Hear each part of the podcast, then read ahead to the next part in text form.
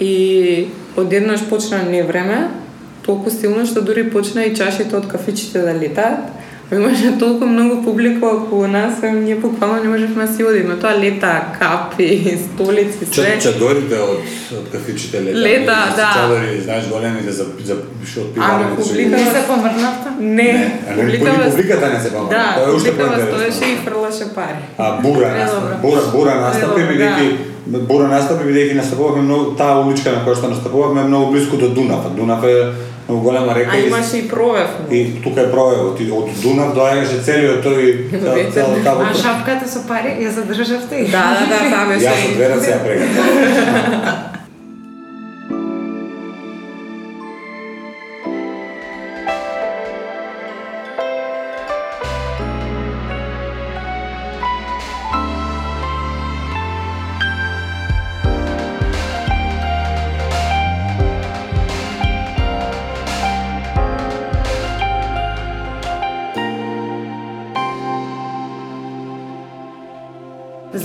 сите кои што нас слушаат. Во оваа епизода сме заедно со Воје Цветановски и Милена Цветановска, кои што се основачи на домашната продукција Театро СК.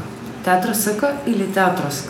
Театрос. Театроск? Да. Океј, моја грешка, извинете. Не е грешка, зашто таман СК си Е потенцирано, да. Намерно е СК стана на крај. Оваа година на 17 и 18 септември на улица Македонија и на Кеј 13 ноември се одржа Статуа Фест, која беше темата на овогодинешниот настан и од што бевте инспирирани.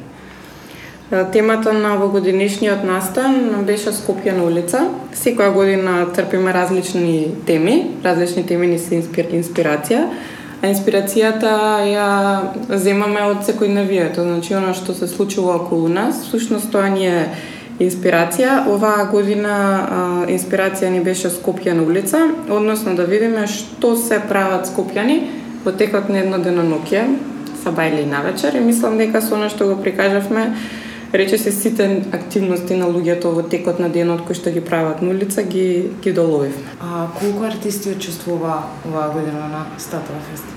Оваа година учествува 14 артисти на новогодинишниот фестивал. А, бројката не е секогаш иста, зависи од актовите кои што ги смислуваме и ги правиме. Да, дали, например, за да еден човек стане дел од Статуа Фест, мора да е професионален актер или може и да е аматер? Не мора да е професионален актер, зависно. Некои професионални актери се дел од личната уметност, меѓутоа има и луѓе, еве како што сум јас, што не сум завршила актерска игра, но сум станала дел од дел од затоа што сум посетувала работилници за жива статуа кои што ми помогнале да да ја работам у личната уметност. И сега веќе ако те влече тоа и ако сакаш тоа да го правиш, значи можеш, тоа што нели нормално ние што се поискусни актери кои што учеле специјално пантомима, говор на тело, физички театар, одржуваат работилници како што е Воја, на пример, јас одев кај Воја на работилница и после тоа работа му лична уметност и ми е супер. А не сум дипломиран актер.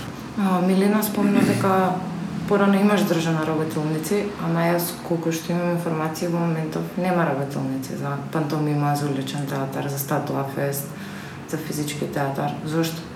Ми се чини дека тоа е многу рано. е, Тоа се случи јас само што дипломирав пантомима и театарска режија и дојдов тука да да отворам училиште за пантомима.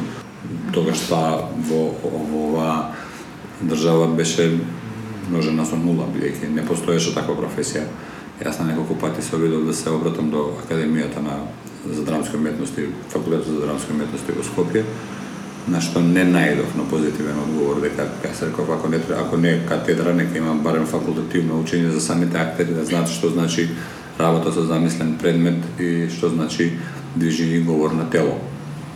Но не најдов на разбирање и не сум кренал раце, ама веќе се усмерив себе си во создавање на, на статуа фест и создавање на театри кои што ќе нудат една поалтернативна, еден по- поалтернативен израз.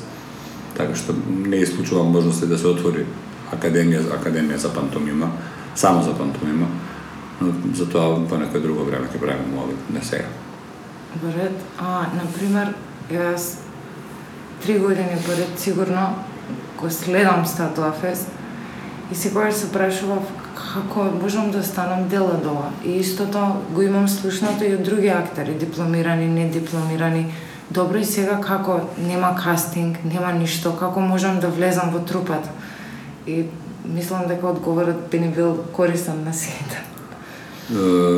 секој има право да добие шанса. И јас секогаш сум бил на страната на тоа дека треба да се даде шанса. Секој земам еден прост пример. Пред две години бевме повикани да бидеме жири комисија на Зигет фестивалот во Будимпешта и да ги да судиме која улична жива статуа ќе биде најдобра. Ето тоа е еден од приоритетите што ние сме го достигнале како театрско. Инаку прв, предходната година бевме први прваци на победници на тој фестивал. Последната година како такви не повика да бидеме дел од жири комисијата и седнахме да гледаме живи статуи кои што има една, една улица на самиот остров мојата прва реакција кога се состанавме дел од жири комисијата беше немојте да им одзимаме шансата на младите да наметнат нов принцип на живи статуи. Значи, оно што ние знаеме што е жива статуа не мора да значи дека секогаш мора да остане истата. Мораме да го промениме тој мајндсетап и мораме да размислуваме чекор понапред, чекор понапред. Ако секоја компанија сега ќе направам една паралела со трговските компании, ако секоја компанија треба секоја година да е 0,01% подобра од минатата година, така и ние треба да бидеме 1% подобри за од оно што сме биле лани. А тоа подразбира дека треба да дадеме шанса, па кој ќе се покаже, ќе остане, кој нема да се покаже, самиот ќе се откаже, нема ни да го избркаме. Или пак, ако сака да остане, ќе добие шанса да, да постане на работилница да работи со нас и да го изградиме како таков. Добро, ама дали има некаков начин да ве исконтактира?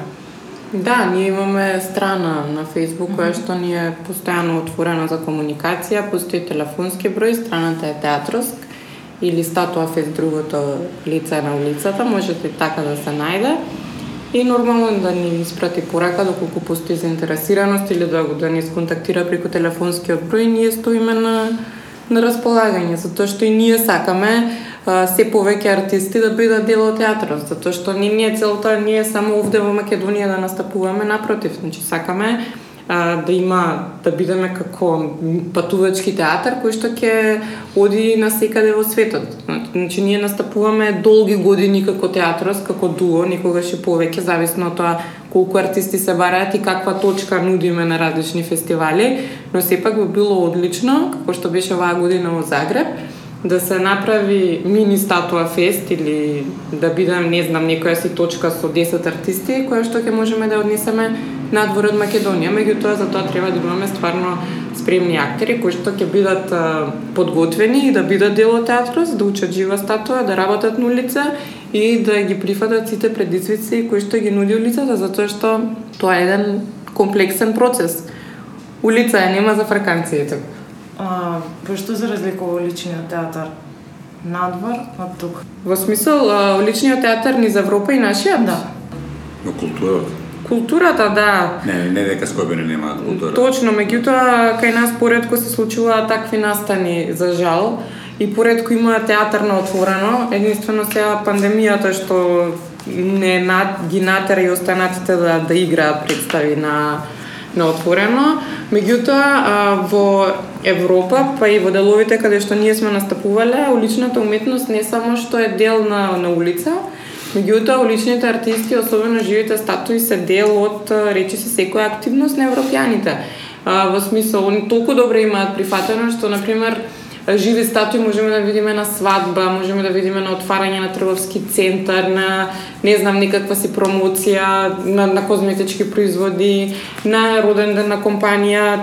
Например, јас бев настапував на роден денот на најголемата градежна компанија во Белгија Тоа е прослава што траеше 7 дена, имаше еден куп живи статуи ангажирано.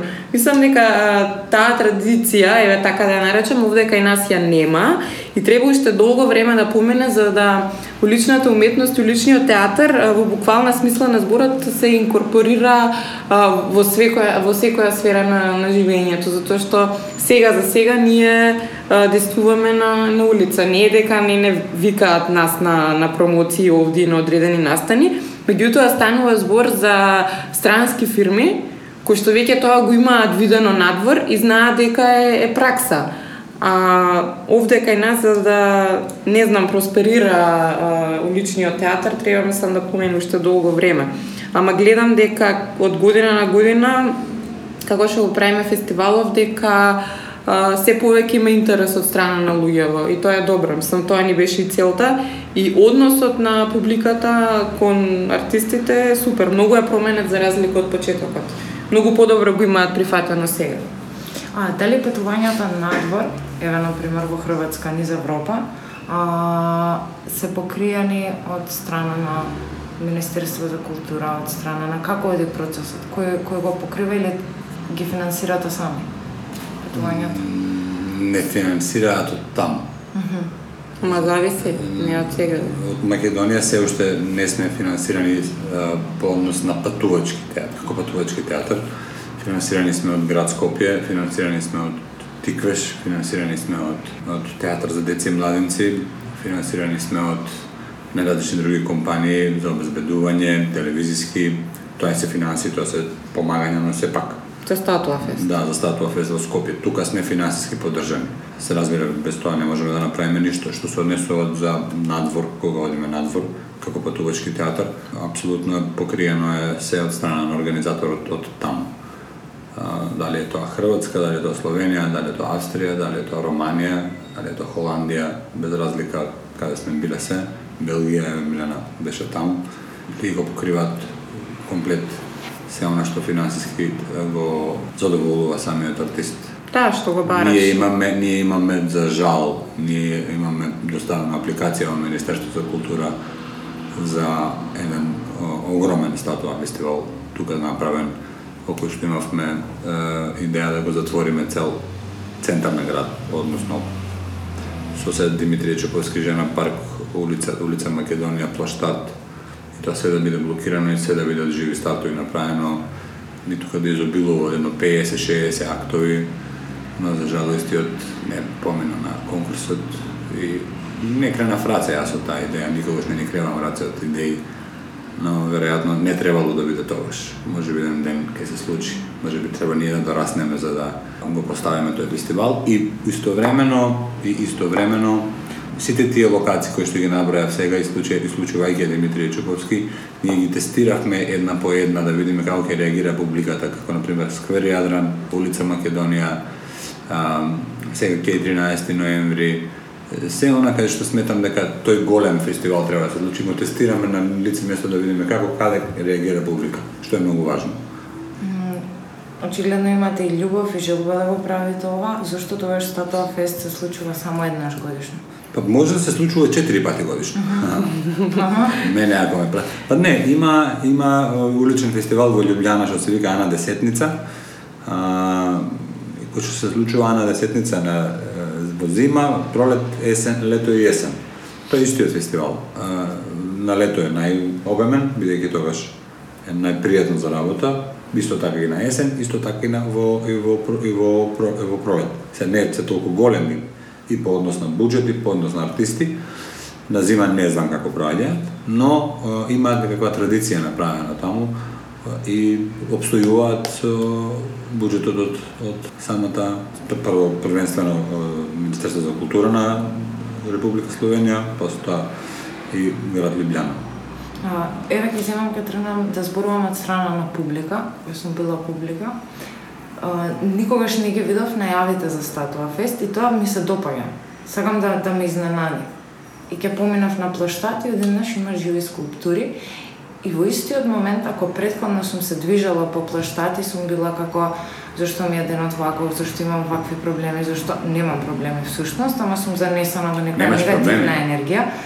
Немам толку колку што мислам дека имам. Ама и сакам да кажам, поентата ми беше дека во тој момент личниот театар со тоа што ми изненади, со тоа што видов нешто ново, ми ја крена главата и бев е, што е ова? Е, зашто што се случува и предобро и преако и ми даде една позитивна енергија. Мислам дека на луѓето им треба тоа и дека им се допаѓа тоа. Ова ме интересира еве од страна на артисти дали чувствувате како успевате да ја смените енергијата и расположението кое Тоа е вежбање.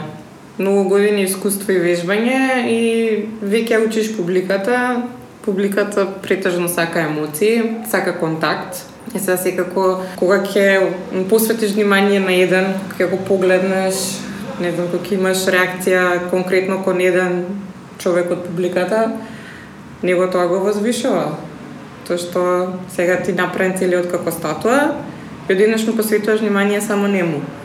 Нему тоа многу му значи. Е сега ти кога имаш доволно искуство, знаеш како тоа да го правиш, да го искомбинираш и рече си на сите подеднакво да им обрнеш внимание.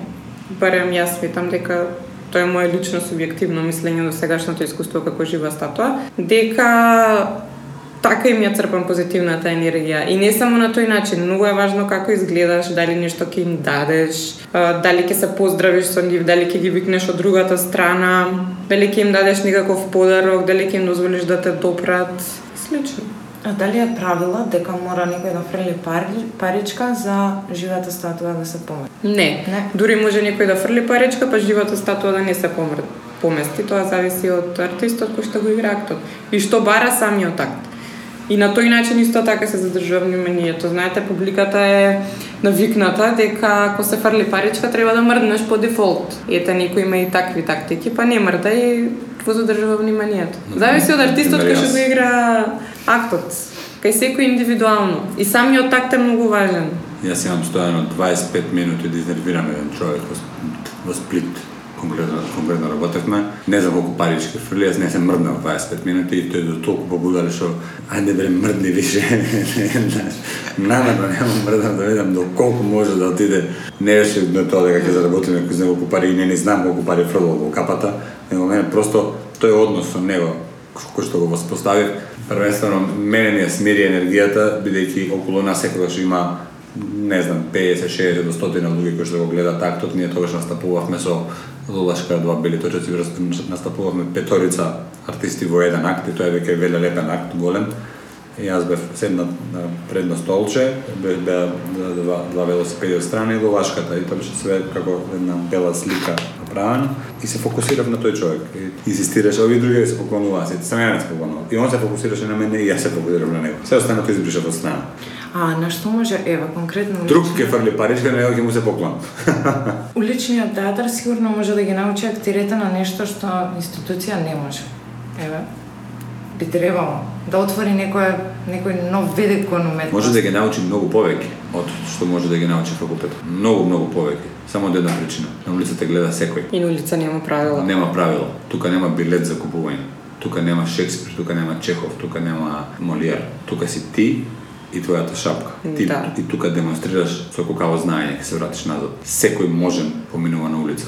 А тоа тебе како актер и тоа како ти го крева само само те крева само до вербата. Зборам како актер кој што подоцна ќе се качи на сцена, бидејќи успеал да контролира публика која што можеби и никогаш не гледала во театар. А е воодушевена на тоа што го гледа. Некој може не може да се дозволи да заради скапи билети и така натаму, и така натаму, сега да не навлегуваме во по тие теми, но начинот што може да те научи улицата не може да те научи никој. Сам се бориш со себе, со костимот, со реквизитот, со сценографскиот елемент, а, со времето кое што истекува толку многу бавно, а стави многу брзо сите поплаки кои ајде уште колку има уште колку има бидејќи неиздржливо е, ја разбирам дека е неиздржливо за многу од артистите. Сакам да направам пауза, ми треба воздух да земам да се мрднам и така натаму, така натаму да се расчекорам. А, на тоа помогнува многу, помогнува многу. Јас топло им препорачувам многу да актерите да пробаат да се пробаат на улица. Ако не како статуи, барем да направат некаква улична театарска представа, да чисто да видат колку им вреди таа пред таа актерска, тоа актерство што го поседуваат во себе. А, ти си првиот човек од Македонија кој има дипломирана пантомима. Така? Така. Дали тоа ти беше сон, визија од дете? И... Не. Не? Не. Како дојде до тоа да запишеш пантомима? Во Софија, каде што се запишував на академија, има систем на приемниот испит, е, трае помеѓу 21 и 24 5 дена. Тоа е на систем на елиминација. За 12 места, за една класа, аплицираат преку 900 кандидати. И системот на елиминација оди како тоа доаѓа по на недела, по на недела, по на недела, остануваат 50 последните 10 дена и се нив работат најразлични вежби. Не знам, овој знае ова, овој не знае ова, овој не. Ти наоѓаат мани се, кој каде што. А, јас аплицирав за групата од актерска игра и седнав на сцената по мене тогаш еко многу мои пријатели направи, ја направи може би најголемата глупост во наводници поред нивните размисли, а тоа е завртев грб на комисијата. И кажував во монолог завртен со грб приде професорот по пантомима кој што взимаше класа по пантомима и рече јас ќе те земам тебе кај мене во класа бидејќи ништо не те разбрав што кажа на јазикот на кој што се обраќаше, ама се те разбрав што кажа преку телото. И всушност мојот говор на тело додека го кажував тој монолог мене ме внесе во таа класа. И тука па натаму јас себе си и како се пронајдов во таа професија до ден денеска еве после 22 години се уште сум во неа. Како започна целата приказна со театрос? Кога е основана продукцијата? Кои други евенти, настани ги имате правено освен Статуа Фест? Уф. Уф, ја не ги бројам. Театрот се оформи прв пат. Ние почнахме на улица да работиме како улични живи статуи 2007 година, како статуи 2007, но тогаш работевме како пантомимичари, класични пантомимичари. Оно црно-бела блуза, трегери, бела шминка, качкет и дзидови влечени, јажини и слично. И 2007 почнахме да работиме во Црна Гора, јас и уште еден мој пријател, Дарко Велич, со кој работевме два велосипеда, односно прво бевме сами, јас имам на една клупа седевме и од Будва тргна целата таа приказна зашто не би оформиле некакво издружение. Тоа прво беше нафрлена како идеја. Потоа во 2010 година го оформивме три години подоцна три години работевме во Будва цел по цело лето, одевме таму и во 2010 некаде јануари месец го оформивме театрос како издружение на граѓани. Ја го трае до ден денеска во 2011 конечно бевме прв пат примени во Загреб на Цестис да Бест фестивалот. Тоа е еден од најголемите фестивали за лична уметност во Европа, каде што оваа година бевме со 9 актови или 10, не можам да сетам сега точно колку бевме. главно бевме 14 луѓе со се организација, превоз, деца и слично. Колку ивенти сме направиле до сега? Па не знам колку ивенти сме направиле. Много.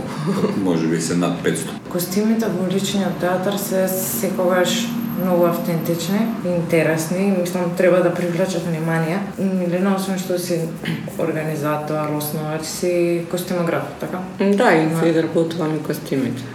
Од каде црпиш инспирација? Како, како се создава, еве, конкретно за Статуа Фест, како се создава еден костим? Па, костимот е последица на актот кој што е смислен, односно на приказната која што сме ја смислиле. Прво добиваме идеја за одреден акт, после тоа начинот на кој што ќе се изведе, бојата во која што ќе биде артистот и костимот и потоа тоа ги изработката на костимот. Да, прилично тешка работа е и комплицирана од причина што треба да кореспондира бојата на костимот со бојата што се става на лицето. А боите за лице се специфични и јас, барам јас, се водам од бојата што ќе се стави на лице, на пример, не знам, еве ако одберам зелена боја, врз основа на бојата, нијансата зелена што ќе биде на лице, го правам и костимот. Зошто? Заради тоа што кога ќе се нанесе бојата на кожата, до, е осветлена и сега не можам јас сама по себе да ставам една зелена боја на, на костимот, а друга да биде на лицето, затоа што или тоа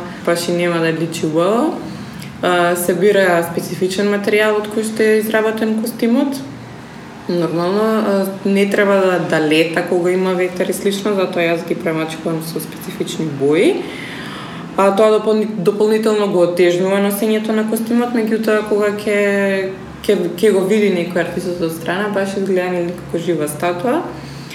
А, на тој начин ги изработувам костимите со тоа што гледам, зависно некои а, сама не ги шијам, нарачувам да ги шијат, тоа не го правам јас. Меѓутоа гледам костимот да биде цврст, а, да не лета кога има ветер, затоа што ако на пример не го премачкам со таа одредена боја, костимот лета и ако има ветер не личи на ништо, ако пад, ако врне дожд, што не се случи нели ново и статуа фест, ако не е премачкан со боја, лесно се намокрува. Кога е вака изработен, буквално нема не не може да му биде ништо и ако има ветер и ако врне дожд си останува цврст. Сам не мора актерот да брзи и да трча, мислејќи дека костимот ќе му се уништи и слично. Напротив, ќе си остане исто и во, пред, во предходната состојба, но за да можам да изработам костим и боја, сега ако се консултираме предходно со, со боја, ги осмислуваме приказните, актовите, движењата и на крај костимите. А колку време им треба на артистите за да се подготват? Да се намачкаат со боја на коса, на лице, на тело, на... Тоа дали сами го прават тоа? Индивидуално зависи. Сега некои го прават сами, некои не. Некој му треба помош, на некој не му треба, ама најчесто потребна е помош затоа што нели оној задниот дел кој ќе дојде шминкање е тежок. А, не е лесно да се шминкаш како жива статуа. Зошто? Затоа што им постојат различни типови на бои кои што се нанесуваат на лице. Не знам, може ќе треба да нанесеш два пати од бојата, три пати, зависи како вид на боја се нанесува. А, почетниците обично не се шминкаат сами, им треба помош, но кога веќе повеќе години работиш како жива статуа, кога работиш на улица, можеш и сам да се средиш, нема никаков проблем. И пак ја речем, во зависност од тоа каква боја се нанесува и колку е комплексен самиот костим, колку време бара за облекување, косата како треба да се среди, дали ќе се мачка, дали нема да се мачка, дали ќе ќе биде дали ќе се става капа и слично. Зависи и времето кое што е потребно за еден артист да може да се подготви. Дали некогаш на некој фестивал или кај нас сте на некоја непријатна ситуација? Бидејќи задачата е да стоиш како статуа, а публиката може може било кој да даде. Не сме имале, не берем јас, не сум имала непријатна ситуација. А, освен, ама тоа не би го класифицирала како непријатна ситуација, него напротив, како еден воски што го имаше публиката од нас. А, мислам дека настапувавме во Австрија со Воја, љубовна приказна ни се викаше актот. И одеднаш почна невреме, толку силно што дури почна и чашите од кафичите да летаат. Имаше толку многу публика околу нас, ние буквално не можевме да си одиме. Тоа лета капи, столици, све. Чадорите од, од кафичите лета. Лета, да. Чадори, знаеш, големите за, за што од Ама публика- Не се помрнавте? Не, Не, а не, публикава- публиката не се помага. Да, Тоа е стоеше и фрлаше пари. А бура бура, бура настапи бидејќи бура настапи бидејќи настапувавме многу таа уличка на која што настапувавме е многу близко до Дунав. Дунав е многу голема река А и- имаше и провев. и тука е провевот и од Дунав доаѓаше целиот тој цел- цел А шапката со пари ја задржавте и? Да, да, да, таа беше. Јас од две раце ја прегатав. Тоа е едно така искуство.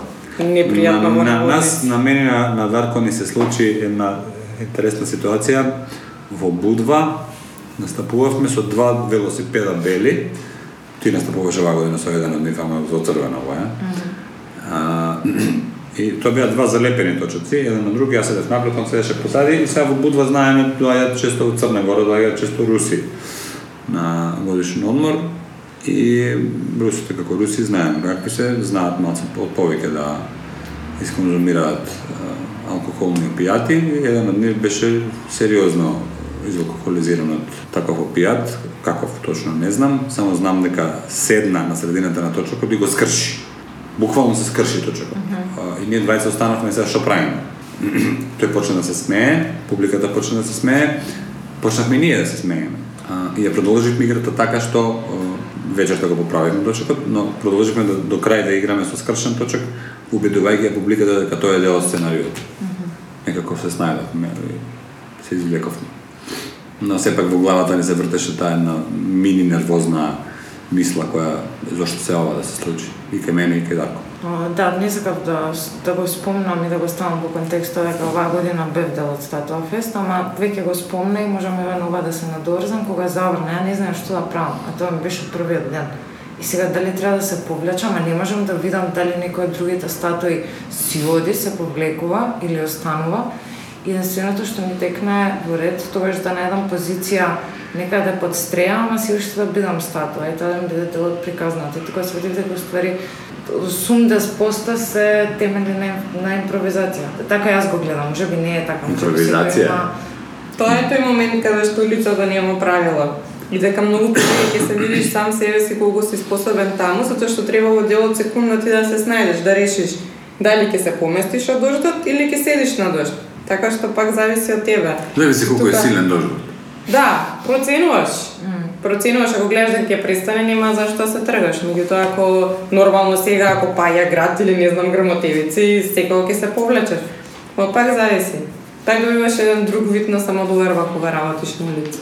Сега на друга тема ќе се префрлам. А, актер, режисер би требале да имаат право да изберат или меѓу институција или помеѓу алтернатива. Е сега Статуа Фест, цитар настани на театрос, спаѓаат под алтернатива, спаѓаат под уличен театар. Ме интересира дали е тоа. Сметам дека кај нас најмногу алтернативата е принуден избор. И ме интересира дали ова беше слободен избор или околностите ве натерава да го правите. Мене лично, ако денеска ме изведеш од алтернативен театар, тоа е исто како да си ми ги пресекол крилјата. Не можам да се замислам себе си во институција која што како актер, еве се водам институција Дом на култура, кино, кисела вода, како менаџер ја водам. А, и секогаш на сите кои што доаѓаат да играат тука, прво што им кажуваме, ајде да пробаме надвор да играм.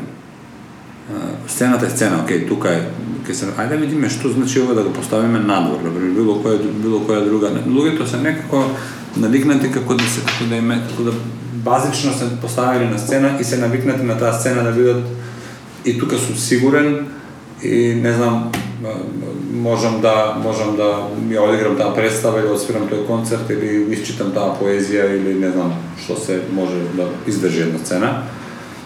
А, не секогаш сум ги враќал нормално да се играле да представи на сцена, што е овој дом и за тоа измислен да се играат да представи на сцена. На што сум разговарал со режисерите, кога сме седнувале на првите состаноци да размислиме и за тоа да видиме дали можеме да ја склопиме представата така што истата би можела да биде и варијанта за да се игра и на улица. Така што алтернативата така како избор во мојот живот и не само во театарот ќе остане за секогаш дел од моето тело, односно како орган од мене. Дали освен ангажманите со театроск и Дом на култура, Домот на култура во Кисела вода, работите нешто на страна. Е сега го прашувам ова зашто 80% од актерите, од режисерите не се вработени и работат на проекти е паралелно некој е келнер, некој е шанкер, некој сосема нешто друго и ме интересира дали успевате да екзистирате само тоа или имате паралелно други професии и уште едно прашање после тоа, дали едното со другото си помага или има конфликт меѓу двете? А, јас работам паралелно и, и улична уметност и друга работа од 8 до 4. А меѓутоа, заради тоа што во нашава земја одолечен театар, односно улична уметност, не може да се екзистира за жал, додека... Константно. Константно, не. Значи не може тоа да ти биде примерна професија. Додека не За константа збориме, да. Може. И така како екзистираат, затоа што нели како што кажавме претходно, е за разлика од кај нас. Дали ми помага или ми одмага? Па некој тоа што го работам не кореспондира со лична уметност, така што ниту ми помага, ниту ми ми одмага. Тоа засебно е. Ама на наоѓам начин како да ги изменаџирам и двете. Дефинитивно личната уметност е тоа што што ме влече. Кога би требала да бирам, би работела само лична уметност и би организирала улични уметнички фестивали. За мене се одговори на прашањето. Јас го водам и домот на културата што е и најпорно. Добро, нешто трето може би има. може Трето би нешто сега сега за сега за сега не, а може би во иднина да. Еден ден кога ќе ми се досади, е напишав книга сега е. А, ако, да. Ако тоа е одвоено од цело ова. И тоа ја напишав во време на пандемијата, кога не можеше да се случува ништо. Она прва пандемија, прв бран, кога дојде во наводници најопасниот, не знам сега кој од кој е поопасен во овие последни три. А, тогаш бидејќи СЕП се затвори, немаше како што да се прави и јас одлучив таа книга која што тоа бе, бе, бе склопени неколку раскази една пиеса, па одлучив да направам микс од сите да напишам книга, да ја создадам во едно дело. Е, во тој период од таа пандемија успеав ете тие три месеци да си најдам и трета работа, односно да создадам книжевно дело. Кој е насловот на романот, така? Веќе не сум истиот. На, за која тема зборува? За лична уметност. Не само за лична уметност. Значи автобиографска? Не е автобиографска, па 70% е автобиографска. Алтер его некој. Да. Не, не, не збори само за лична уметност, збори и за литературата, збори и за театарот, збори за личната уметност, збори за допишување помеѓу други помеѓу двајца и збори за различни во различни времења е поставена, во четири различни времења е поставена. Зборува за тоа како една писателка не успева да најде тема да напише книга, треба да прави промоција на сајмот книга, па незиниот дедо кој што е 6 дена пред умирање раскажува една негова интересна случка која што она ја запишува, па не ја издава, па ја издава трет човек, така натаму, така натаму. И меѓу меѓу другото е поврзана и личната уметност, но и театарот како институција, односно како дел од, од, од оно што ние го живееме. Дали за да создавам уличен театар морам да аплицирам на одреден конкурс или еве не аплицирам на одреден конкурс, нема да имам финанси, ама сакам да излезам на площад и да правам да создавам уличен театар, дали ми треба потребна ми е дозвола за било кој дел каде да сакам да настапувам. Да, ако се настапува само иницијативно, потребна е дозвола. Дори во Скопје, така? Да, Кај нас Да, да. се издава дозвола. Туре мислам дека живите статуи па и сегден и светот многу лесно им се издава дозвола за работа за тоа што не прават бука, не се гласни. А, зависи во кој дел.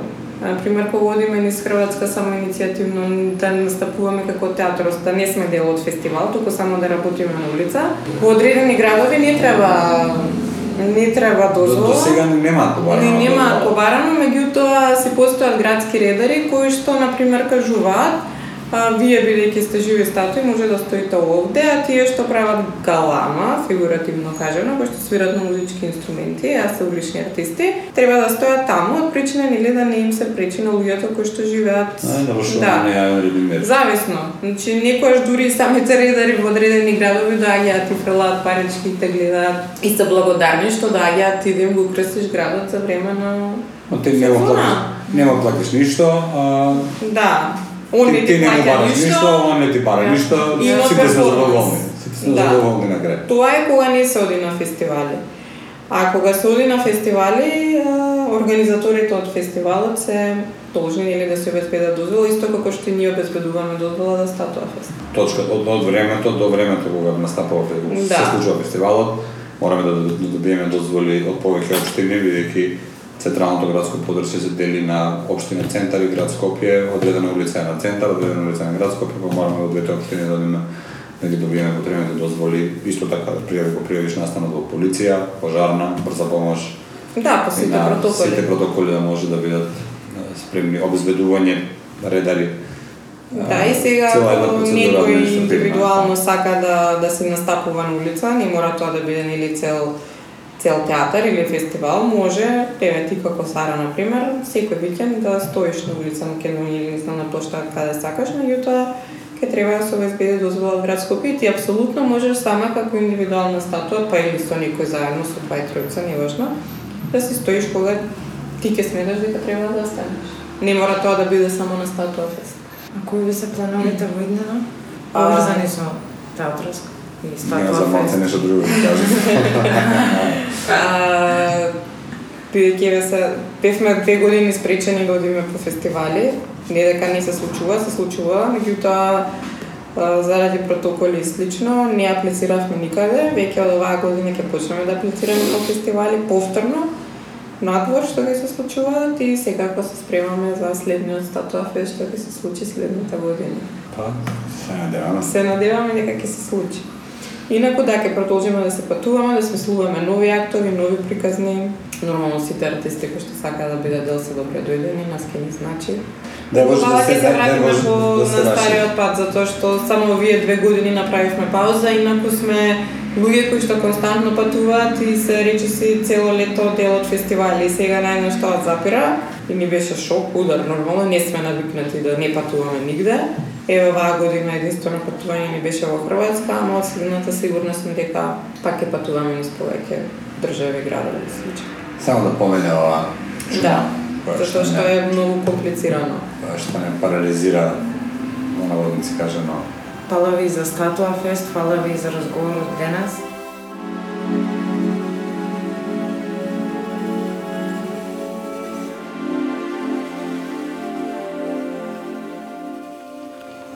Здраво на сите кои што нас слушаат. Со нас е актерката Марија Кондовска, која оваа година е дел од настанот Статуа Фест во продукција на Театро СК.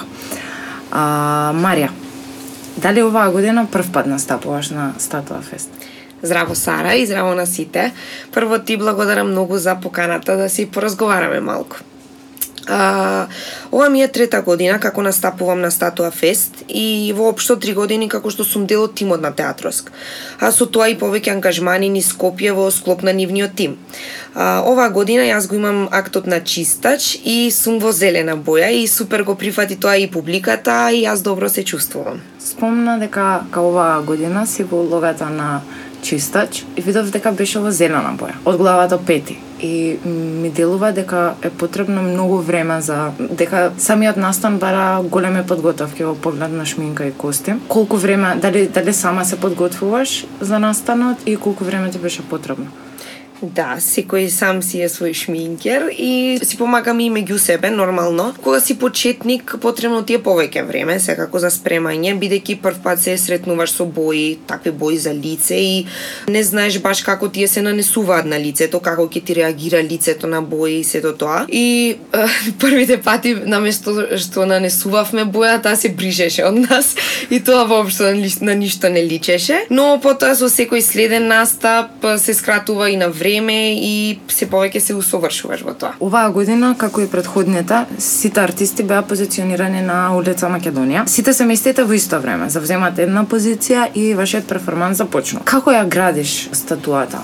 Дали едноставно доаѓаш на денот на настана, застануваш на улица и се инспирираш од околностите или предходно размислуваш, еве да речеме како од некоја биографија на ликот, можеби или размислуваш пред да биде настанат како би можел да стои, што би требало да каже таа слика. Јас сум овертинкер во при, по природа и се премислувам однапред. И јас сум, исто. така, замислувам како ќе стојам, како која позиција ќе ја заземам и сето тоа како ќе менувам. И се, но тоа е добро за почеток, морам да признам да заземеш една позиција, но по првите 10 минути веќе се менуваат работите и се инспирираш од ситуацијата во која што ќе се најдеш, од моментот. И затоа тоа е убавината во оваа уметност, затоа што е, никогаш не можеш се до крај да, да испланираш и секогаш едно ново искуство од почеток. И затоа тоа е многу убаво. Дали може би во ред, еве завземаш одредена позиција. Потоа, дали може би преку новите позиции на статуата и реагираш на публиката. Дали може би публиката е тригер за секоја твоја нова позиција. Да, да. Јас ја, по Јас сакам да се подмрнувам на пример, на секоја фрлање на паричка, сакам да се поклонам, да им оддадам почит. Ако не знам, да сакам да си поиграм со некое дете, ќе поиграм и ќе останам во таа позиција што сум ја направила. Не знам дали сега, на пример, сум ја подигнала метлата за да го искарам детето или нешто, па ќе останам во таа позиција. Mm -hmm. А дали има одредени правила за овој настан? На пример, еве како што кажа, ќе се појави некој дете или било кој од публика ќе ти остави паричка, дали е правило дека мора да се поклониш секогаш кога ќе ти остават паричка? Па не, сите а, настапувачи сами си ги задаваат своите правила и не знам, не, некои одбираат воопшто да не се подмрднуваат, некои се подмрднуваат малку со некои минимални движења, а некои одбираат да се а, мрдаат повеќе и тоа е, е скроз во ред. Јас на пример сакам да се сакам да им се поклонам ако оставиле паричка, тоа е некој, некој знак на почит затоа што застанале да те видат, го испочитувале тоа што го правиш ти, ја почитувале твојата уметност. Не знам, јас сакам е, многу да си поиграм со некое детенце, не знам дали можда да му ги подкренам вегите или да му намигнам и тоа е целото насмеано такво и ќе имаш играно доста на институционалната и независната сцена, театарска сцена. А Статуа Фест е перформанс кој што може да кажеме дека припаѓа во улична уметност. Кои се најголемите разлики помеѓу нив и во кое се пронаоѓаш повеќе? Па како е во театарот, така и тука, ти си главниот играч, ти раскажуваш нешто, а луѓето доаѓаат и те гледаат тебе. Ти си главен тука. Разликата е што тука немаш многу движења и не зборуваш вербално, туку само со говор на тело. Тоа е, можам да кажам дека е разликата. И откако се запознав со овој вид на уметност, морам да признам дека тоа многу ми помогна и на сцена, најмногу во односот со публиката. И секако аз повеќе се пронаоѓам на сцена, затоа што сакам да си кажам со збор како се чувствувам и што имам да кажам. Но и во ова си има своји убавини секако и убаво ми е што имам можност да ги правам и двете работи. А е, кога ја спомнам публиката, дали публиката кај нас има почет спрема а, уличната уметност. Не знам, еве, може би, а, додека си била статуа, имало одредени провокации кои што може до негде и да бидат на место. Нормално е, луѓето гледаат нешто ново, застануваат близко, сакаат да го видат.